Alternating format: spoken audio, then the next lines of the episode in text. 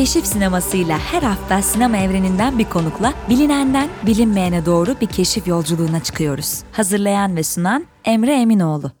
Keşif Sineması'ndan herkese merhaba. Ben Emre Eminoğlu. Öncelikle geçtiğimiz gün Keşif Sineması'nın evi diyebileceğimiz, benim de bir seneden fazladır bir parçası olduğum Duende'nin 100. sayısı yayınlandı. Bu vesileyle okuyan, dinleyen, takip eden herkese, tüm ekip adına teşekkür ediyorum. Bugünkü keşif yolculuğumuzda konuğum yönetmen ve senarist Nisan Dağ.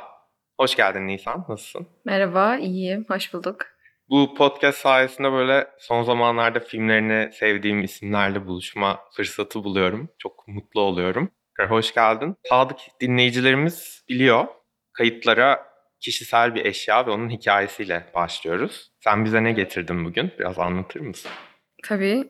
Ben Tim Burton'ın e, bir kitabından çıkan bir karakter olan İdenlik Kraliçesini getirdim yanımda. Bu kitap Tim Burton'ın daha genç yaşlarında yazdığı bir kitap ve içinde aslında küçük mini hikayeler barındıran şiirler var ve her şiirde tamamen tabii ki o Tim Burton dünyasından çıkma karakterler işte Roy Toxic Boy, Toksik Çocuk ya da İdenlik Kraliçesi ya da Kibrit ve Çöpün Aşkı falan gibi 4-5 satırlık kısa kısa şiirler çoğu. Ben de bu kitapta en çok İdenlik Kraliçesinden etkilenmiştim. Hatta okuyayım. Çok kısa zaten. Hayat hiç kolay değil İdenlik kraliçesi için. Ne zaman otursa tahtına, iğneler batar dalağına. Bu kadar. Kendi içinde.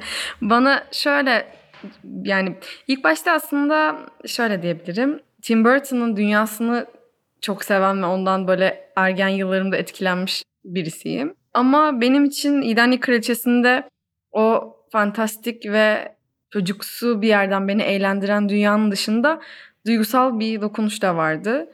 Çünkü e, şey bana çok üzücü gelmişti. Yani onun göğsünde saplı iğneler var ve bu yüzden hani kimse ona sarılamaz. Biri ona sarılmak ve hani ona sıkı kendini çekmek istese o iğneler ona saplanacak ve canını daha çok acıtacak gibi bir yerden aslında daha derinlikli bir yerden bana dokunmuştu kalbime. O yüzden ben bu figürü dövme olarak aslında yaptırmayı çok istemiştim. Fakat iğnelerden inanılmaz bir korkum var. Hatta hep şey düşünürüm yani bir gün iğneli bir sahne çekmek zorunda olduğum zaman ne yapacağım bilmiyorum. Yüzleşeceğim bir şey hayatımın bir noktasında bence ama şey de çok ironik bir taraftan hani ona saplanan şeylerin de iğne olması ve hani bunu dövme yaptırmak isteyip iğneden korktuğum için de dövmesini yaptıramamış olmam falan. E, neyse benim arkadaşlarım da bu hikayeyi bilirler yani. E, ve bana bunu doğum günü hediyesi olarak almıştı. Liseden Mustafa diye bir arkadaşım. Böyle bunu getirmek istedim.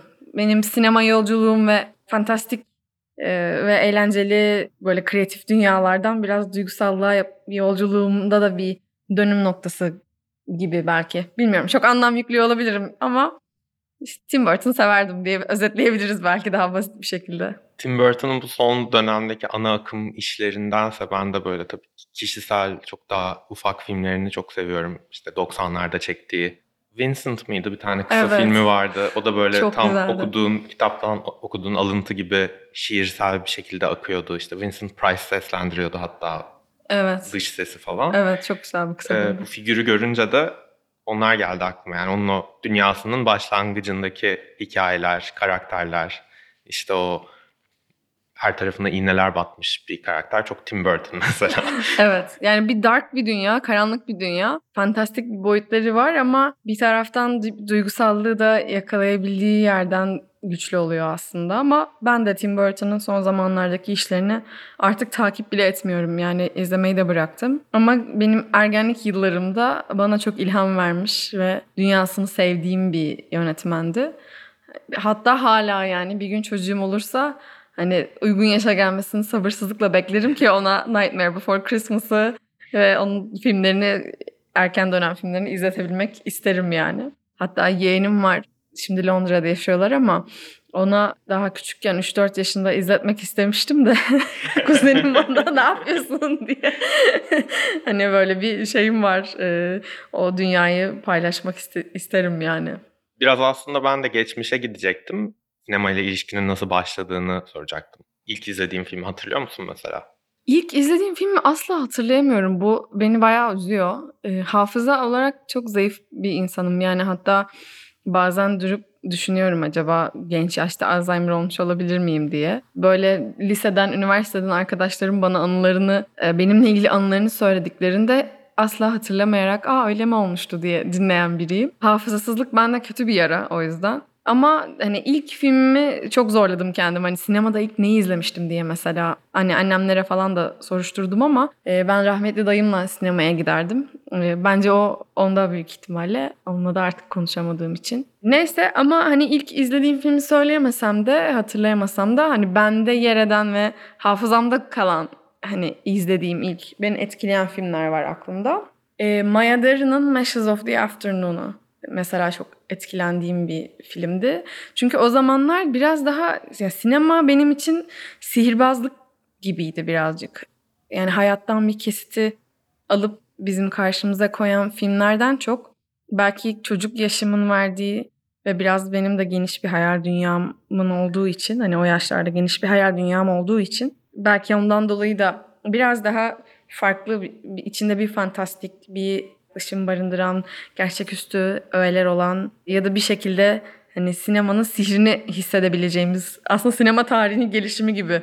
Hani Lumière'lerin hani sinemayı keşfedişiyle nasıl aslında yolculuk öyle çıktıysa benim için de daha primitif bir yerden başladı. Mesela işte o Meshes of the Afternoon'daki o Maya Deren'in yarattığı dünya, oradaki gizem, o yüzü aynalı, çarşaflı kadın, o kurgu tekniklerini kullanarak yaptığı numaralar, o anahtarların elinde çıkması vesaire. Bunlar böyle biraz heyecanlandırmıştı. Hatta onun üzerine işte ben animasyon yapmaya başladım stop motion tekniğinde. Polonyalı bir hocam vardı. Ben exchange Rhode Island School of Design'a gitmiştim Providence'a. Ve orada e, bayağı bir Çek ve Polonya sinemasından ve oradaki eski böyle animasyon örneklerinden, kuklalarla yapılan örneklerden çok etkilenmiştim. İlk biraz daha aslında hikaye anlatmakla hani, ilişkim ve yola çıkışım öyle yerlerden oldu. İşte Jan Svankmajer, Jiri Tranka, vesaire. Live action'a daha sonradan geçiş yaptım aslında.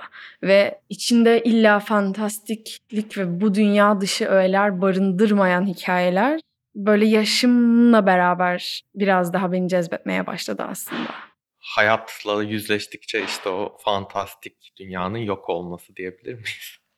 Yani bir, bir taraftan da içimde bir yer hani o fantastik dünya hiç yok olmaz umarım diyor belki işte Bir Nefes Dağ'daki animasyon sahneleri hala daha benim içimde o sinemanın sihrinin varoluşu. Ama yani böyle şey gibi belki de hani ağız paletin yaşaldıkça hani farklı tatları işte hani enginar çoğu insan için tatsız hani çoğu genç için böyle gereksiz bir yiyecekken hani onun aslında ne kadar derin lezzetler barındırabildiğini biraz yaşla gördüğün gibi aslında belli bir duyguyu yakalamak, bir insanın hayatına girip onunla nefes alabilmenin de ne kadar sihirli olabildiğini görmek sanırım biraz daha olgunlaştıkça bana dank etti ki hala aslında olgunlaşmamın devam ettiğini düşünüyorum. Ergenlikten yeni çıkmış gibi hissediyorum kendimi sinemasal yolculuğumda. Biz de normalde o yolculuğun hani en güncel örneğinden başlıyoruz. Normalde bir nefes daha ile başlardım. Ama seninle Ayvalık'ta tanışmıştık ve ilk uzun metrajlı filmin Deniz Seviyesi aslında Ayvalık'ta geçiyor. O yüzden biraz oradan başlamak daha olur. güzel olur diye düşündüm.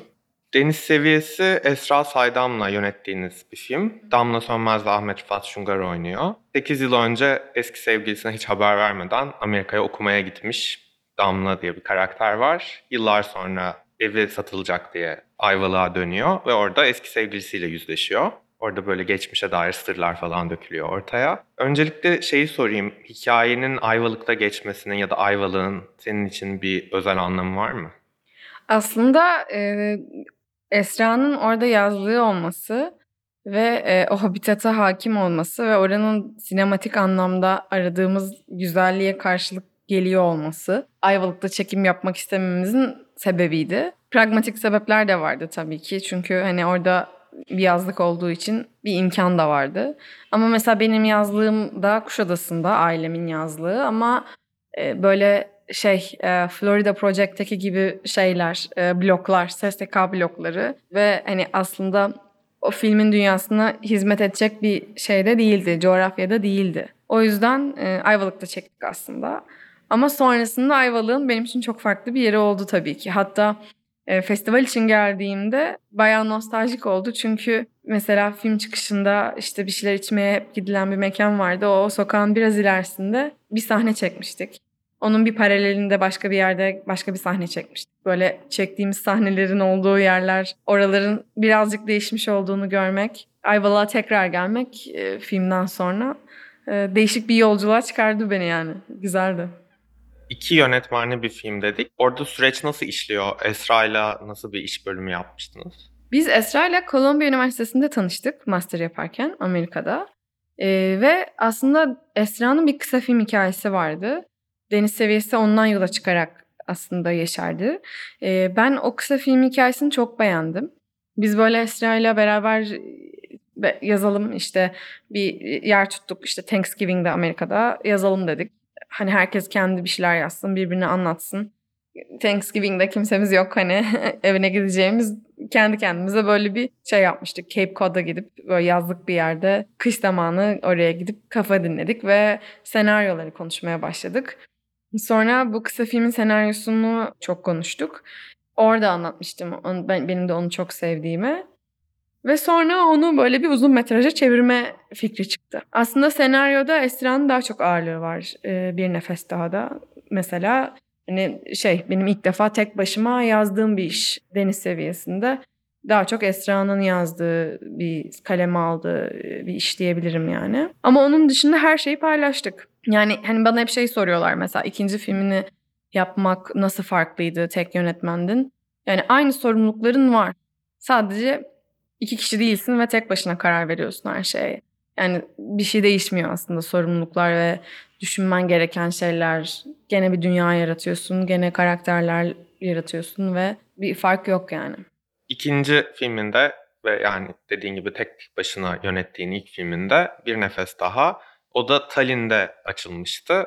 Sonra İstanbul'da gösterildi, Ayvalık'ta gösterildi, Adana'da gösterildi. Sonra bir vizyona girdi birkaç hafta önce. Tallinn'de ve Adana'da en iyi yönetmen ödülü kazandın bununla. Santa Barbara'da da en iyi yabancı film aldık bu arada.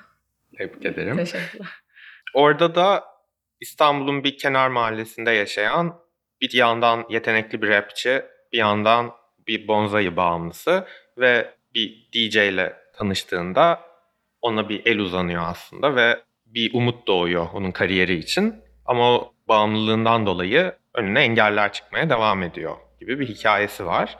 Ee, bu hikaye Karaçınar mıydı? Hı hı. Karaçınar diye kurmaca bir mahallede geçiyor. Çekimleri nerede yaptınız diye soracağım ve neden hani o mahallenin adını kurmaca bir mahalle yapma ihtiyacı hissettin onu soracağım.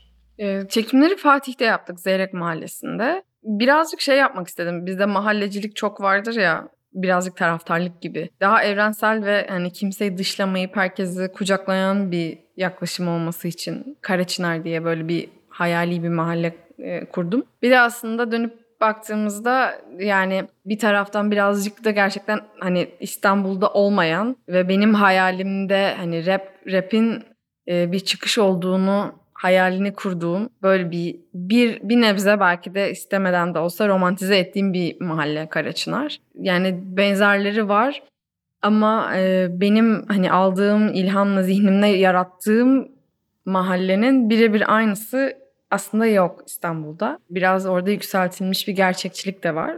O yüzden de adının Karaçınar olması iyi oldu.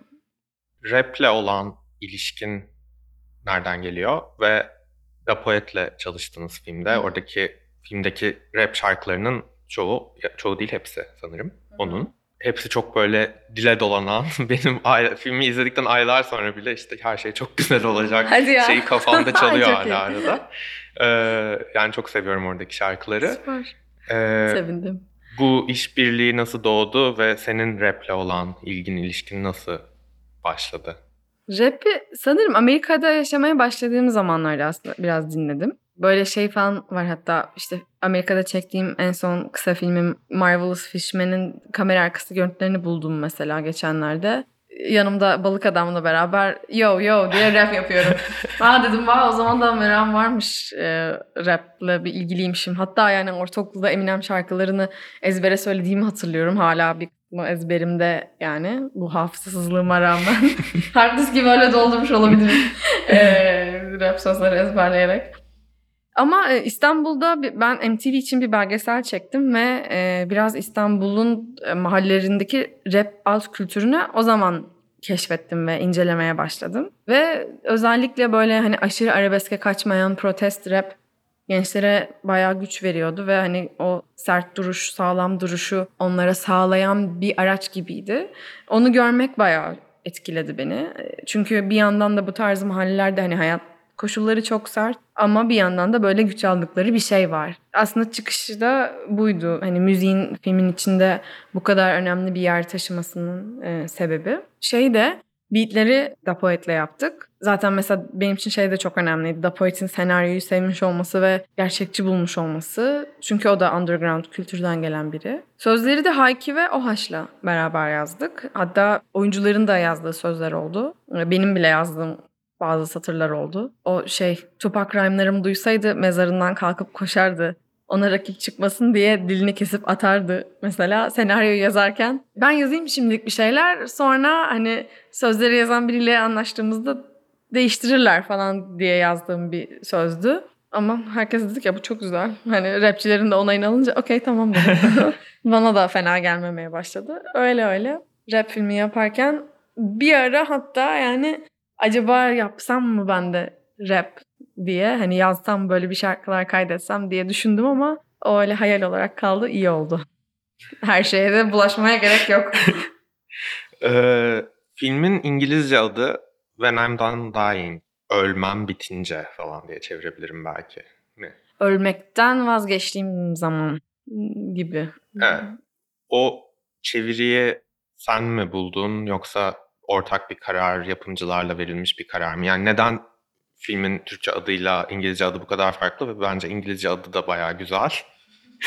Ben İngilizce adını daha çok seviyorum bu arada. Ve önce filmin İngilizce adı çıktı. Bu arada yani Amerika'da sinema eğitimi aldığım için de belki olabilir ama hani ilk yazma pratiklerim hep İngilizce olduğu için ben bazen İngilizce yazıyorum ve sonra onu Türkçe'ye çeviriyorum. Yani senaryonun bazı draftlarını mesela bazen bir fon başvurusu için vesaire gerektiğinden hani önce İngilizcesini yazıp sonra Türkçe'ye çevirdiğim oldu. O yüzden böyle zihnim kreatif anlamda İngilizce düşünmeye de meyilli olduğu için sanırım önce İngilizce adı buldu. Fakat böyle onu Türkçe'ye çevirmeye çalışınca hiç de güzel aynı poetik hani şiirsel tınıya sahip olan bir şey çeviri çıkmadı. Bir nefes daha da şeyde de öyle yapmıştık. E, Deniz seviyesinde de Across the Sea İngilizcesi. Yani deniz kelimesinin ortak olması dışında hiçbir ortak noktası aslında direkt çeviri anlamında yok. Onu seviyorum galiba. Yani her dilde hani direkt çevirmek yerine her dilde en ideal şekilde ifade edeceğini düşündüğüm adı. Öyle özgürce farklı dillerde farklı isimler koymak. Bir de kendi kontrolünde bir şekilde onun çevirisini farklı yapıyorsan zaten başka bir Evet, karışacak evet. yani. evet, evet ama şey hani çok standart olmayan bir şey olduğunu farkındayım uy- uygulama ama o özgürlük de hoşuma gidiyor aslında. Canım ne isterse koyuyorum adını işte yani çevirmeden. Ee, ve belki de hem Türkçe hem İngilizce konuşan insanlar için de birden fazla anlamda yüklemiş oluyorum filmin adına. Bir de iki film arasında şöyle bir şey geldi aklıma. Deniz seviyesinde de bir nefes dahada da o ilişki dinamiklerinde ön planda olan bir sınıf farklılığı var. Bu ilişkiler arasında o sınıf farklılığı dışında bir benzerlik görüyor musun? Şey mi deniz seviyesiyle bir nefes dahadaki ilişkiler arasındaki dinamikler. Bu arada sınıf farkı dediğinde ilk defa bunu fark ettim ben. Hiç düşünmemiştim. Ama hep Esra'yla da konuştuğumuz bir şeydi. Yani Pat'ın karakteri ve Damla'nın karakteri yazlıkta değil de şehirde tanışsalar belki böyle bir aşk yaşamayabilirlerdi. Hani çünkü yazlıkta kumsaldayken hani sosyal olarak uyum sağlayabilmek her zaman daha kolay. Bunun dışında Yani sınıfını gösteren bir kıyafet bile olmadığı için aslında evet. kumsalda Evet. herkesle tanışabiliyorsun ve sevgili de oluyor, yaz aşkı gibi şeyler çıkabiliyor. Ama şey de olabiliyor işte yazlık için oraya gelmiş oluyorsun ama diğeri oranın yerlisi olmuş oluyor ve orada bir uçurum bile olabilir bilemezsin. hı, hı hı. Belki şey diyebiliriz.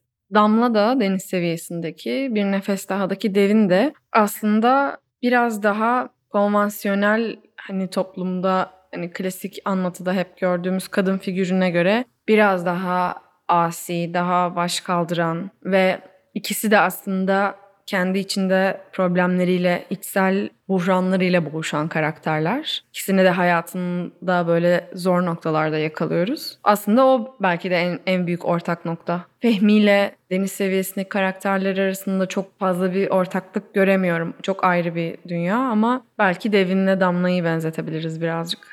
Ben iki filmi de yani deniz seviyesini çok eskiden izlemiştim. Dün tekrar izledim. O bağlantıyı da böyle aa burada da böyle bir ilişki dinamiği vardı deyip o benzetmeyi öyle kurdum. Peki sırada ne var diye sorayım. Sırada birden fazla proje var. Ee, hangisi ilk başta hayata geçecek bilmiyorum. Bir tanesi bir mini dizi. Modada yaşayan ve oyuncu olarak hayatını kazanmaya çalışan bir kadının verdiği e, İstanbul'da hayatta kalma, İstanbul'da Türkiye'de kadın olma ve sektörün bütün saçmalıklarıyla boğuşma ve bir yandan da geride bırakamadığı bir ilişkisiyle kopmaya çalışma ve yalnızlığı kabullenme.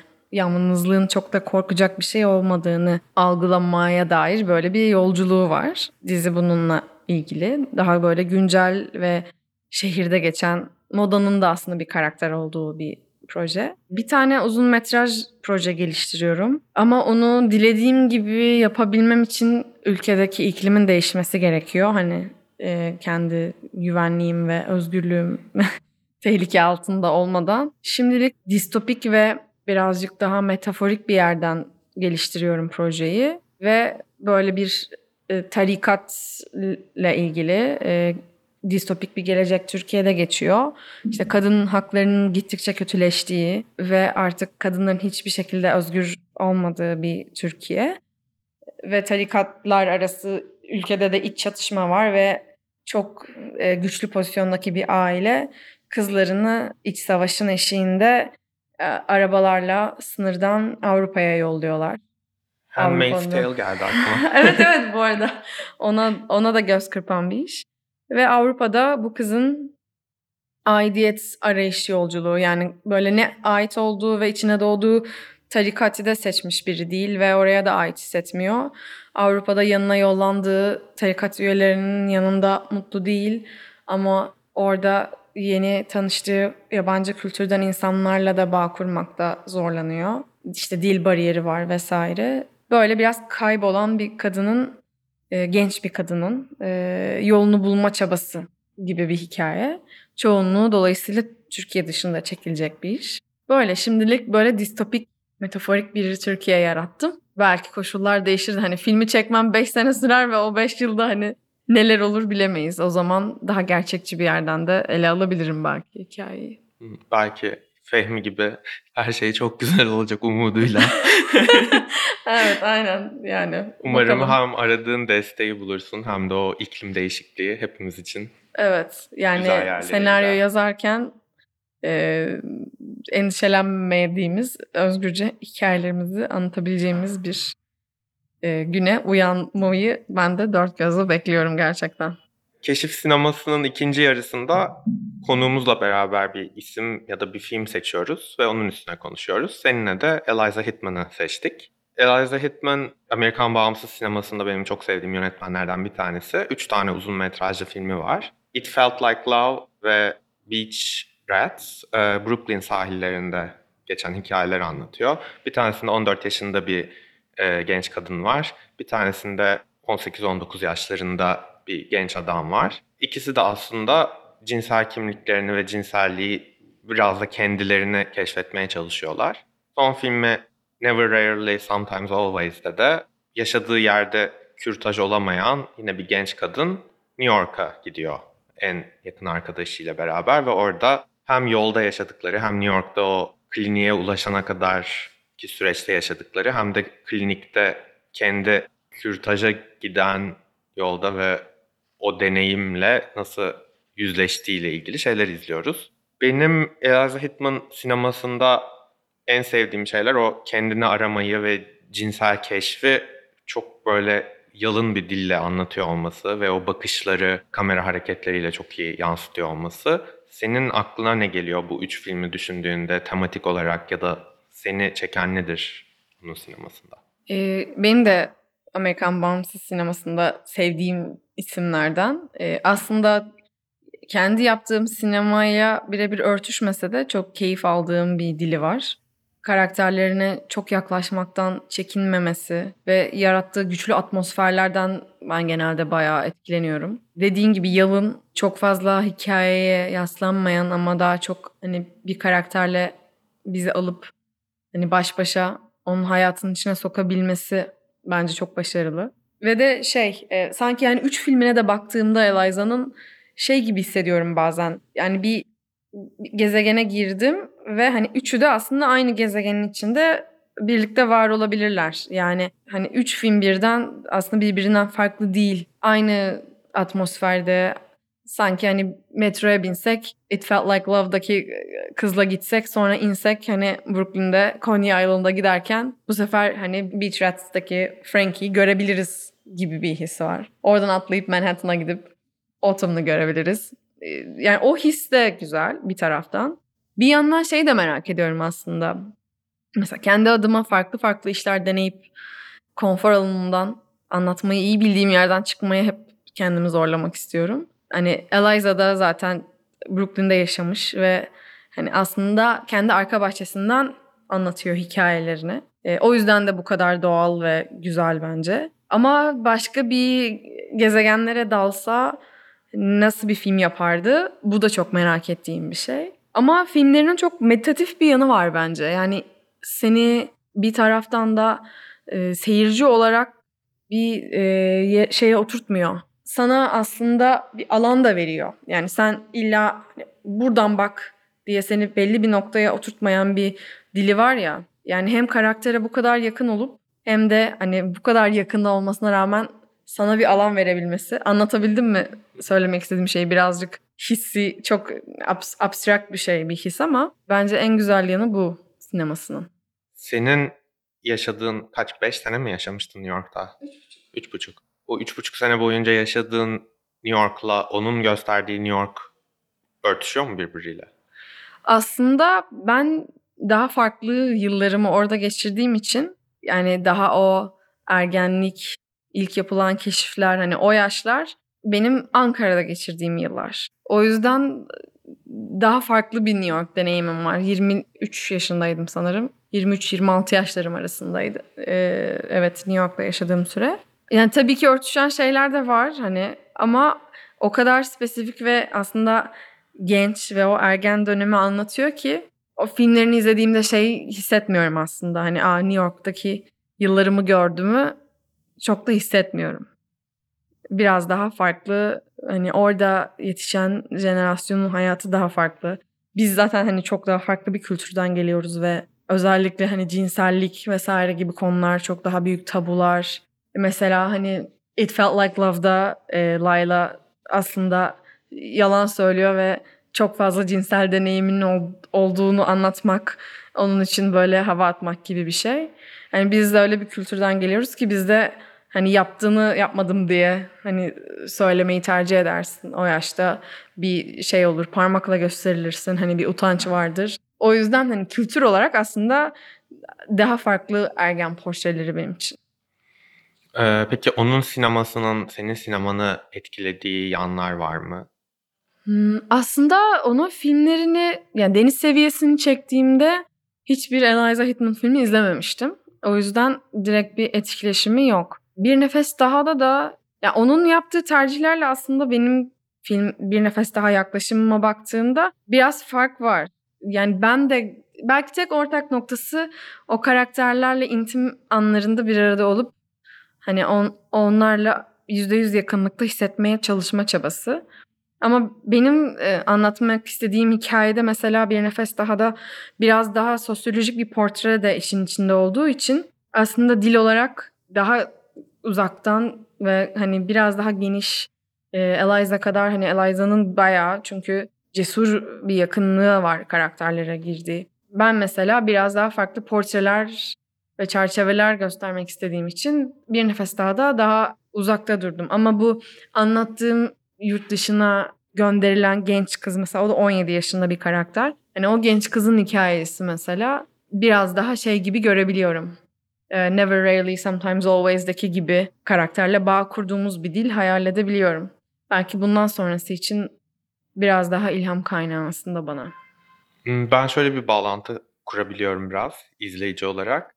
İşte o deniz seviyesinde mesela tenden suların aktığı yakın çekim şeyler var arada. Hı hı. Ya da işte bir nefes daha da karaktere kameranın bayağı yaklaştığı şeyler hatırlıyorum, anlar hatırlıyorum. O dedim ya Eliza Hittman'ın filmlerindeki bir bakış olayı beni çok etkiliyor diye. O arada bir bağlantı kurabiliyorum. Mesela işte It Felt Like Love'da Layla'nın yakın arkadaşının ilişkisinden çok yakından gözlemliyor. Yakın bir arkadaşının erkek arkadaşıyla olan ilişkisini. Ve bu sırada kamera onu gerçekten hani bir belki bir erkek bakışı olarak gördüğünde rahatsız olabileceğin bir yakınlıktan kızı süzüyor, işte çocuğu süzüyor, ikisini birden süzüyor. Orada aslında cinsel bir arzu anlamında bir bakış değil de bir imrenme, onun yerinde olma isteğini çok iyi betimleyen bir bakış var. Kamera hareketleriyle karakterin hissini göstermesi ve o hissi aslında sana e, yüklemesi e, bayağı hoşuma gidiyor. Never Rarely Sometimes Always'de de mesela şey vardı. Otobüste giderlerken ya da sokakta yürürlerken erkeklerin onlara baktığı bakışları görmüyordun ama onların o bakışlardan nasıl etkilendiğini gördüğün bakışlar vardı. Anlatabildim mi evet, bilmiyorum. Evet, evet anladım ne demek istediğini. Yani şeyi işte bir karakter aslında hikayeye çok odaklanmadığı için daha çok bir ruh halleri kolajı gibi olduğu için filmleri belki en hikaye ağırlıklı işi son filmi aslında ki onda bile oldukça sade tutuyor hikayesini. O yüzden hani bir hikaye e, konstrüksiyonuna çok dalmadığında o sana işte karakterle beraber nefes alabilmek için güzel bir alan açıyor. Ama eğer ki böyle iniş çıkışlı bir hikaye yaratmak isteyecek olursan o zaman mesela işte bir nefes daha da ben filmin en sonlarına doğru banktaki Devin'le Fehmi'nin son yüzleşme sahnesine kadar hiçbir zaman o kadar yakınlaşmadım karakterlere. Yani onu böyle biraz daha tek atımlık bir kurşun gibi. Yani sürekli kameranın o bir kameranın bir silahı gibi karakterin yakınına bu kadar girmek. Ama o silahı sürekli patlatırsam hikaye ağırlıklı bir işte mesela o silahın etkisini o zaman düşürüyor olacak gibi. Mesela biraz daha matematiksel bir yerden inşa ettiğim bir kamera dili var. Ama mesela bundan sonrası için yapmak istediğim hani diyorum ya sinemasal yolculuğumda ergenliğimden yeni çıkmış gibi hissediyorum. Yani bundan sonra yaptığım her iş çok birbirinden de farklı olacak gibi geliyor bana. Çünkü baktığında zaten şey de öyle hani deniz seviyesi ve bir nefes daha da öyle bir sonraki proje de öyle. Aslında biraz daha fazla hesap yapmadan daha içgüdüsel bir yere geri dönmek istiyorum. Yani tamam üzerine düşünmek, çalışmak, yoğunlaşmak iyi bir şey. Ama aşırı planlı olmak da bir yerden sonra zarar veriyor gibi geldi. O anlamda mesela Eliza Hittman'ın o içgüdüsel ve hissel tarafını ilham verici ve kuvvetli buluyorum. Biraz da ihtimallerden konuşalım o zaman. Mesela bir nefes daha o söylediğin Eliza Hittman'ın evreni dedin. Üç filmi sanki aynı evrende geçiyormuş gibi dedin. Kara olmasaydı da Brooklyn'de bir hikaye anlatıyor olsaydı, Fehmi orada yaşıyor olsaydı, işte Devin orada gelip onunla tanışmış olsaydı o evrende nasıl işlerdi bir nefes daha? Devin ne Fehmi daha ergen yaşlarda olurlardı. Eliza yapsaydı. Belki Devin'in hayatındaki ilk cinsel deneyimi olurdu. Fehmi ile birlikte olmak.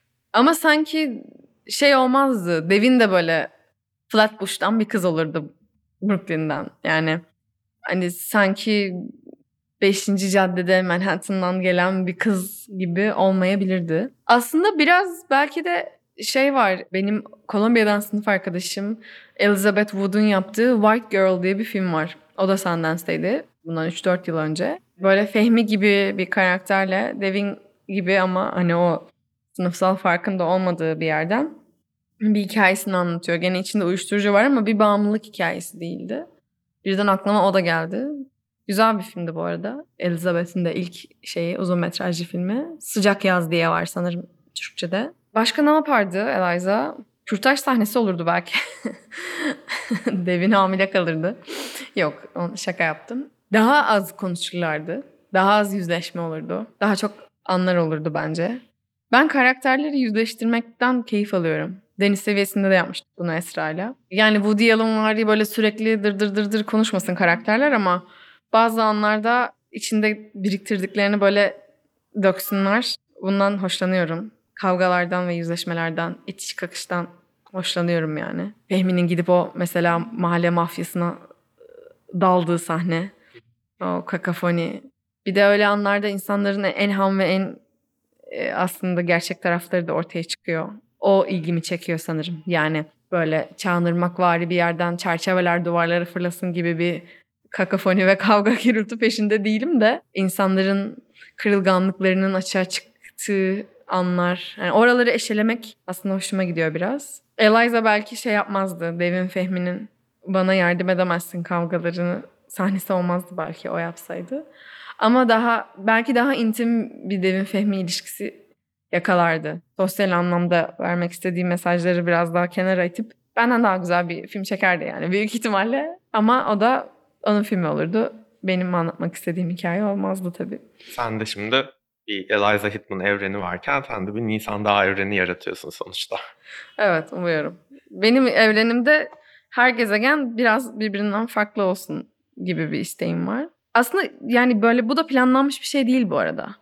Şimdi böyle kendimi duyunca sanki her şeyi farklı yapacağım gibi bu kadar yani denk gelirse belki birbirine benzeyen iki filmimde olabilir ama doğalında sanırım keşfetmekten keyif alan, öğrenmekten keyif alan biri olduğum için doğalından böyle çıkıyor. Çünkü her yaptığım filmle sen de biraz o dünyaya dalıp o dünyayla ilgili bir şeyler öğreniyorsun.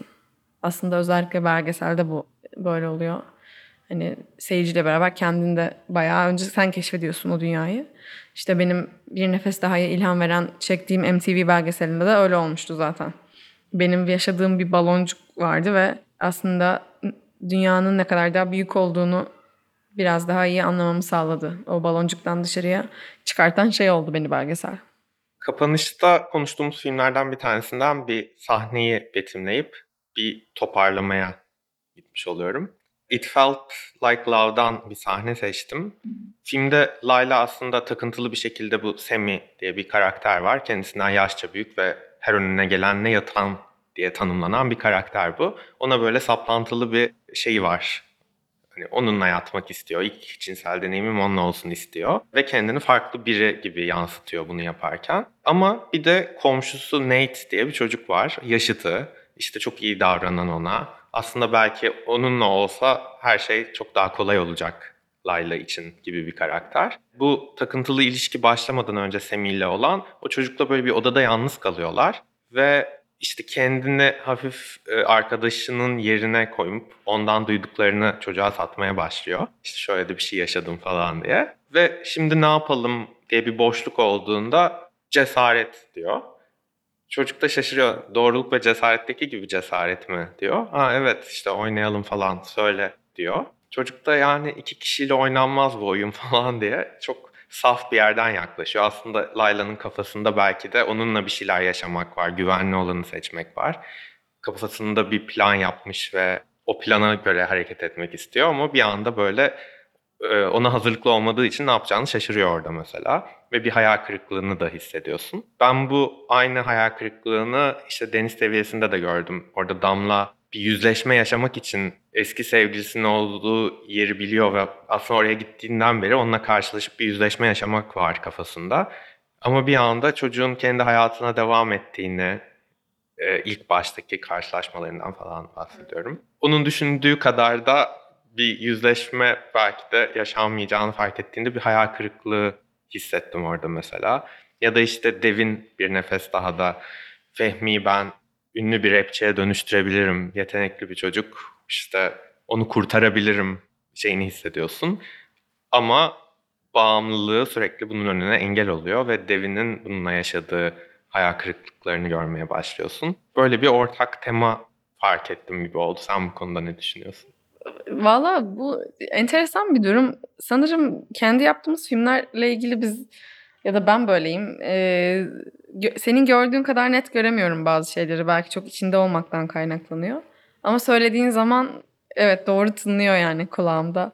Yani hayal Aslında hem hem hayal kırıklığı hem de bir yani en azından Devin ve Damla özelinde söyleyebilirim. Hayal kırıklığından çok bir kişisel büyüme ve kendi içine dönüp aslında gücü kendi içinde bulup hayatına devam edebilmek gibi bir, bir ortaklık var belki de. Damla da çünkü o anlamda içinde bir olgunlaşma yaşıyor aslında tekrardan yazlığına gittiğinde ve bütün yaşanmışlıkları geride bıraktığında. Hani filmin başındaki Damla ve e, sonundaki Damla artık farklı ve Damla'nın hayatında evet, problemlerini çözmüş olmuyor ve aynı hayata geri dönüyor. Ama e, belli bir yüzleşme var aslında.